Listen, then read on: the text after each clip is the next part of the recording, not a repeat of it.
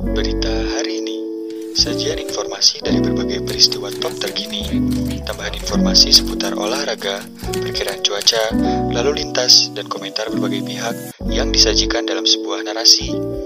Yang bisa Anda dengarkan di mana pun dan kapan pun.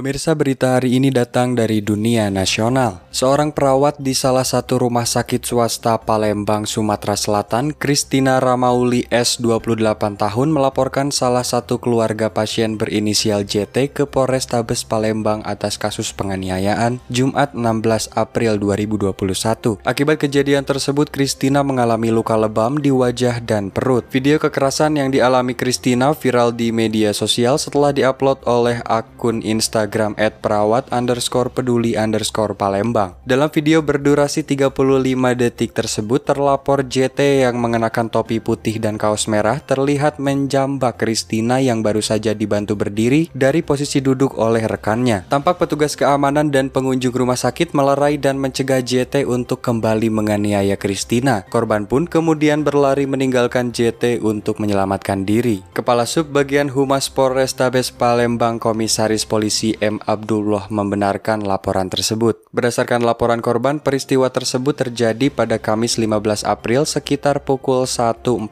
siang hari di Rumah Sakit Siloam Sriwijaya, Palembang. Kristina merupakan perawat yang bekerja di rumah sakit tersebut. Sebelum kejadian, JT mendatangi ruang tempat anaknya dirawat untuk menjemputnya pulang. Namun JT emosi melihat tangan anaknya mengeluarkan darah dari bekas suntikan jarum infus yang dilepas oleh korban. Kemudian JT meminta Kristina Kristina untuk datang ke ruang perawatan anaknya untuk meminta maaf bersama rekan perawat lainnya. Namun belum sempat meminta maaf, Kristina ditampar oleh JT. Masih merasa bersalah, kemudian Kristina bersujud untuk meminta maaf. Namun alih-alih tenang, JT kemudian menendang perut Kristina hingga tersungkur. Rekan-rekan perawat lainnya segera berupaya melerai dan meredam emosi JT yang masih terus melayangkan emosinya kepada Kristina. Berdasarkan laporannya, rambut korban juga sempat dijambak oleh terlapor. Korban berhasil keluar kamar setelah telah diselamatkan oleh rekan-rekannya. Luka yang dialami korban ada di bagian mata kiri memar, bagian bibir bengkak, dan nyeri di bagian perut, ujar Abdullah. Penyidik telah mengambil keterangan pelapor dan saksi serta mengambil bukti visum luka-luka yang dialami Kristina atas kejadian tersebut. Pelaku terancam pasal 351 tentang penganiayaan. Pemirsa itulah berita hari ini mengenai perawat RS di Palembang yang dianiaya hingga wajahnya lebam. Untuk Anda yang ingin mendapatkan notifikasi berita hari ini, Anda dapat mengirimkan email dengan sub subjek notifikasi saya ke email terhubung berita hari ini at gmail.com secara gratis. Terima kasih telah mendengarkan, tetap patuhi protokol kesehatan selama COVID-19.